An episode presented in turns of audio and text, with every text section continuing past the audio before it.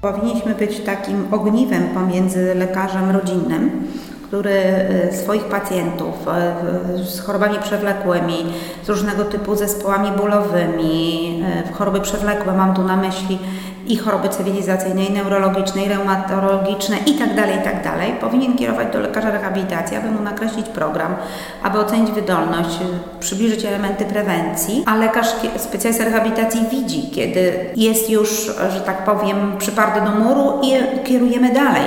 Kierujemy do lekarza zabiegowego, kiedy widzimy, że są wskazania do leczenia operacyjnego, że tutaj już e, jesteśmy przy tym przysłowiowym murze.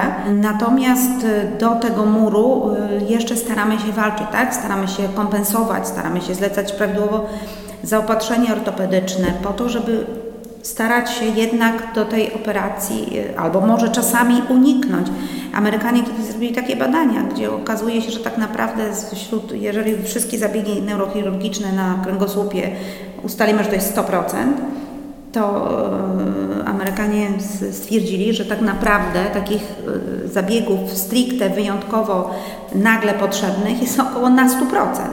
Różnica kolosalna. Gro tak naprawdę dałoby się uniknąć, gdyby wdrożyć odpowiednio wcześnie, natychmiast właściwie procedury rehabilitacyjne.